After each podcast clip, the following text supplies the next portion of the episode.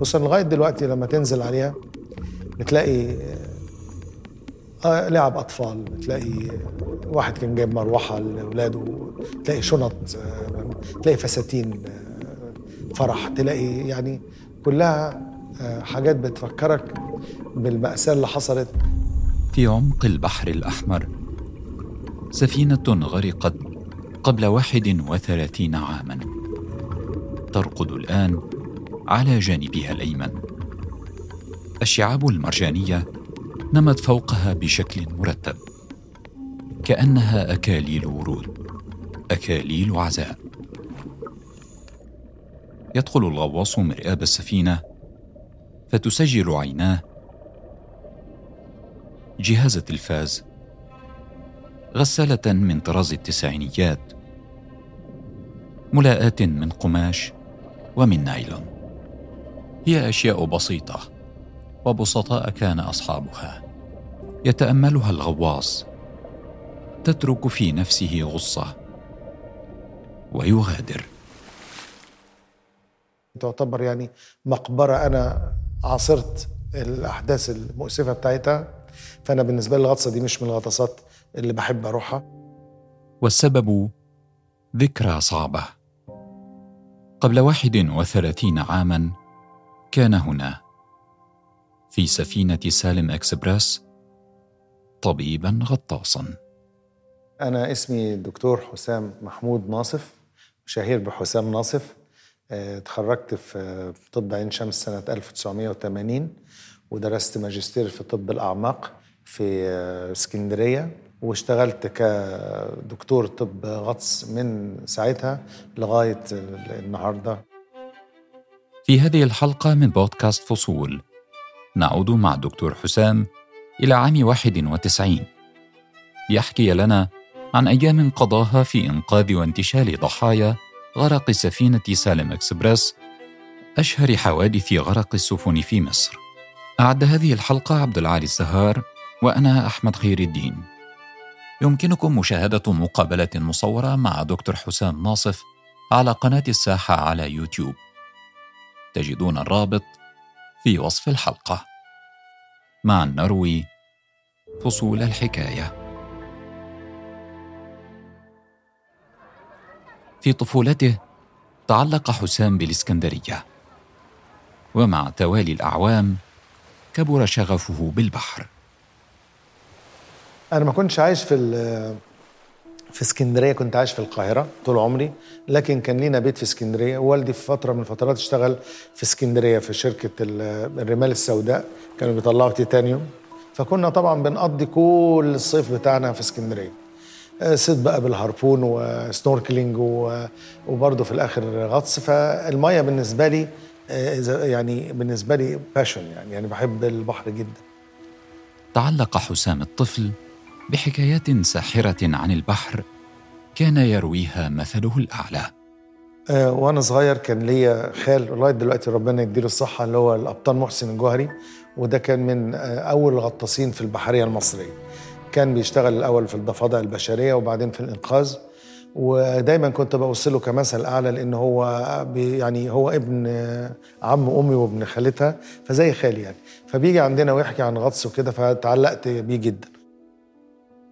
كبر حسام وتخرج من الجامعة في مجال الطب لكن حلم الغطس لم يفارقه. ظل حسام يرافق خاله ويشاركه الغطس في الإسكندرية حتى أدرك أنه تعلم ما يكفي ليصبح غواصا ثم طبيبا في الغطس. وعرفت إن في طب الغطس واتخرجت ما كنت ضابط احتياط في الجيش. فابتديت أروح مع الإنقاذ في في رأس التين في اسكندرية وأشوف الغطاسين وكده وحبيت إن أنا أقرن الطب بالغطس لأن أنا الطب التقليدي يعني كنت مسجل بطنه في عين شمس فما حبيتهاش قلت هعمل الماجستير في طب الغطس عشان آه، يعني عاوز أغطس وعايز أشتغل في الغطس كطبيب في نفس الوقت. حتى عام 91 كان حسام قد اكتسب خبرة كبيرة وتمرس في الغوص في أعماق البحر الأحمر. يقسم أيامه بين الغردقة حيث كان يدير مركزا للغطس وبين القاهرة حيث يتواجد مركز طب الأعماق. والخبرة ليس كلها مهارات في الغوص ومعرفة في الطب. الخبرة أيضا ثمنها صعب. تجارب حارقة. ففي ممكن غطسة واحدة تعمل لك خبرة لا نظير لها من مثلا 30 40 غطسة. فالواحد اتعرض طبعا لمواقف كتير في حياته وخد خبرة كويسة. ومع الدراسة أنا وصلت لأني بقيت أنا وصلت اني بقيت كورس دايركتور يعني أعلى مستوى في في التدريب. ما زلنا في العام 91 في منتصف ديسمبر بالتحديد لكننا على الشاطئ الآخر من البحر الأحمر في جدة بالسعودية سفينة سالم إكسبرس تستعد لمغادرة الميناء باتجاه مصر. رحلة عادية تقوم بها السفينة منذ سنوات من جدة إلى سفاجة بالبحر الأحمر. على السفينة ركاب أغلبهم مصريون من العاملين في الخليج. في المدخل يتوقف مسافر. يبدو متعبا. يمسح بأكمام قميصه عرق وجهه.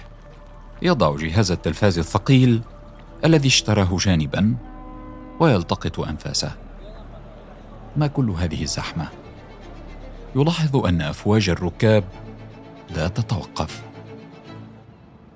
اللي حصل إن السالم إكسبريس دي وهي طالعة من ميناء جدة في الآخر خالص فتحوها فالناس ركبت كل اللي عايز يركب ركب فما عندناش يعني قوائم آه، مفصلة لمين اللي كان على المركب ومين ما كانش على المركب. بعد ساعات طويلة من الإبحار بدت مدينة سفاجة من بعيد على بعد كيلومترات. كانت الساعة تقترب من منتصف الليل. الأجواء سيئة في الخارج. قبطان السفينة اختار مسارا بديلا وسريعا لبلوغ الميناء. فجأة اصطدمت السفينة بشعاب بحرية. انقسمت من أسفل وبدأت بالميلان. هوت سالم اكسبريس إلى قاع البحر. كان الجو وحش جدا. والقبطان الله يرحمه اللي هو مورو آه، دخل المينا غلط. يعني دخل آه، حب يختصر الوقت فبدل ما يلف من الناحية الشمالية مع الريح دخل من الجنوب وهو ما كانش عارف السكة كويس. فاللي حصل إن هو آه، خبط في شعب اسمه شعب الشحر. الشعب ده فلق المركب من تحت وغرقت الحقيقة في وقت قياسي يعني مالت على جنبها اليمين ووقعت يعني نزلت تحت في العمق في سويعات قليلة يعني. كان يوما عاصفا. حين سمح للغطاسين بالاقتراب من موقع الحادث ما عادت فرص إنقاذ مزيد من الأحياء ممكنة. جثث الغرقى تطفو على السطح وأخرى غارقة في القعر في داخل السفينة ووسط الشعاب. لما رحنا يوم يوم ما فتحوا الغطس والحقيقة لمينا آه، أكبر عدد قدرنا نلمه من متطوعين كان فيهم شوية أجانب. رحنا هناك وربطنا. البحر وحش قوي. وابتدينا بقى نغتسل ما وصلنا لقينا في جثث عايمه لأن أنت عارف إن الواحد لما بيقعد تحت المية فترة يومين ثلاثة بيبتدي آه، يتنفخ. ويبتدي الطفو بتاعه يزيد ويطلع على وش الميه فابتدينا نلم الجثث اللي على سطح المية وبعدين ابتدينا نغطس بقى. على عمق يصل إلى 30 مترا بدأ حسام الغوص رفقة آخرين لانتشال الجثث العارقه كانت وجوه الغرقى تشي بكل شيء في القعر. في عيونهم تجمد الشعور الأخير. صدمة فزع وتوسل. الحاجة التانية اللي ما انساهاش إن هو لما بتبتدي الجثث تتنفخ بعد فترة وتطفو ساعات بيبقى الواحد فيهم رجليه علقت في الشعب أو حاجة. فبتلاقي الجثة من دول كأنه واقف على الأرض وطبعا عايم في المية وعينيه مفتحة فكأن واحد واقف وبيبص لك. لأن هو رجليه متعلقة تحت بس هو منفوخ عاوز يطلع. فواقف. وده من الحاجات اللي خلت واحد من الغطاسين الألمان جاله فزع لأنه شاف الراجل واقف كده فاتخض منه. لكن لما أيقن إن هو الحكاية إن هو كل الحكاية رجله متعلقة في الشعب وواقف على حيله كده يعني. خلال اليوم الأخير من عمليات الانتشال اصطحب حسام محركا يدويا معه لتسهيل عمله في القعر.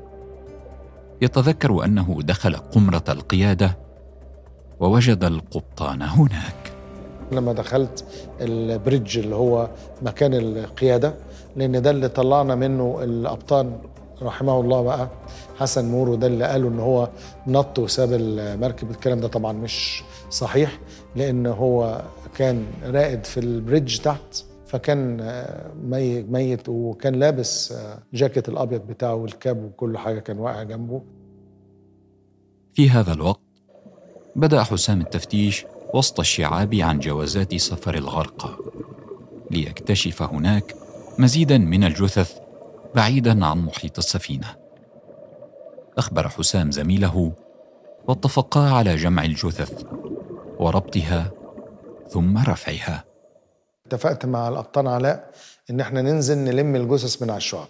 فكانت ال ال هو كان ال المهمة بتاعته إن هو يربط الجثث بحبل كبير عشان يربطهم في بعض لأن ما كناش هنلحق نطلعهم. و وال... وأنا كنت بجيب الجثث عنده وهو يربطهم في الحبل من وسطهم وأجيب التانية يربطها وهكذا. لغاية لما لمينا 24 جثة في الغطسة دي بس اللي هي كانت آخر غطسة في ال... في, ال... في اليوم الثالث بين أغراض الغرقى كان حسام يتنقل بحثا عن أشياء تساعده في رفع الجثث. وسط الحقائب عثر على حبل مناسب. حبل من قماش نايلون. أمسكه في لهفة. ادار رأسه ليخبر زميله. لكنه لم يجد. من فوق بدا زميله متوجها إلى السطح. يحمل برفق جسد فتاة. كانت فتاة صغيرة ترتدي فستانا أحمر. توقف حسام يراقب تفاصيل المشهد من أسفل بعينين جامدتين. حزينتين. بعد لحظات عاد الغطاس وانطلقا في انتشال الجثث. فلما ربطنا الجثث دي عايزين بقى نرفع الجثث لفوق وتقيلة. فعشان نشدها نطلعها فوق كان صعب جدا من 35 متر اللي هو كان العمق ساعتها إن حد يسحب الحبل من طرفه ويطلعه فوق لأن بقوا كتير قوي الجثث دي. مع دنو الغروب استعادت الشمس ضوءها من البحر. ظهر العمق مظلما ومربكا.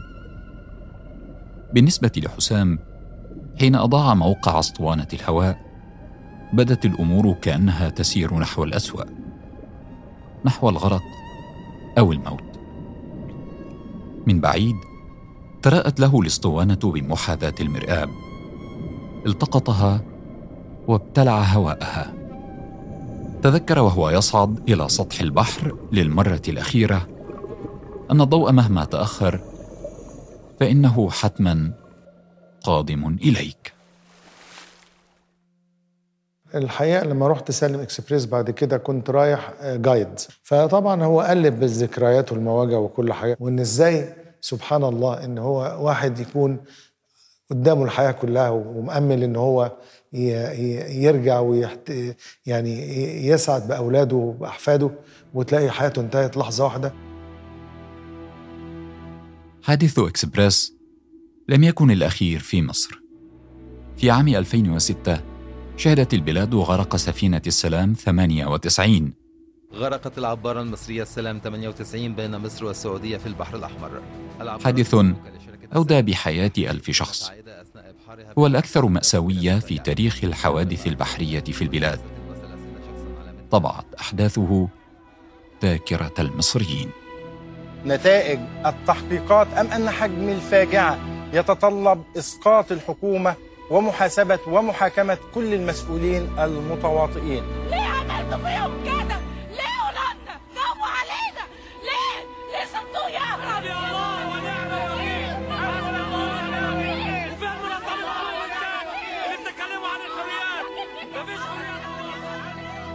عند الكوارث. حين يغدر البحر ويتفرج الملايين بحسرة وألم دون حول ولا قوة. ينشغل الغواصون والأطباء بمحاولة إنقاذ من يمكن إنقاذه. طب الأعماق هو ترجمة عربية للمصطلح بتاع بيجمع بين حاجتين في الدراسة. بعد سنوات توقف حسام عن تدريب الغواصين. لم يوقف شغفه بالغطس والتصوير لكنه انشغل بالطب طب الأعماق. طب الغطس اللي هو علاج الأمراض الناتجة عن آه، مشاكل بتحصل لغطاسين تحت المية والحاجة التانية العلاج اللي هو علاج بالأكسجين تحت ضغط عالي اللي إحنا بنعالج حاجات ملهاش علاقة خالص بمجال الغطس في غرف الضغط في آه، في يعني مش لازم في السواحل في المدن وبنحط الناس تحت ضغط عالي وبيتعالج حاجات كتير جدا منها آه، أي فشل في الدورة الدموية والمضاعفات القدم السكري الجروح اللي ما بتلتئمش حتى التوحد عند الأطفال والشلل الدماغي كل ده وفي لستة طويلة عريضة بنعالج بيها الامراض في غرف الضغط بالأكسجين تحت ضغط عالي. لم يكتفي حسام بتجربة العلاج. بل قاد مبادرات لصناعة غرف صحية تسمى غرف الضغط. تستخدم في علاج المرضى والغطاسين. لما ابتدينا نشتغل في طب الغطس الأول عملنا شركة مصرية ألمانية وجبنا غرفة وحطيناها في مستشفى الجونة من ألمانيا. آه، ما حبينا نستورد غرف لقينا فيه برضو عقبات كتير وأسعارها عالية وكده. ففكرنا إن إحنا نعمل غرف الضغط في مصر هنا. دي طبعا مفيش حد كان عملها قبل كده ولغاية دلوقتي مفيش حد عملها في الشرق الأوسط. آه، أول البروتوتايب اللي هي أول غرفة عملناها كان سنة 2003 اللي هي موجودة دلوقتي في سفاجة في المستشفى العام. وبعد كده نجحنا في تصنيع كذا غرفة وصلنا لسبع غرف.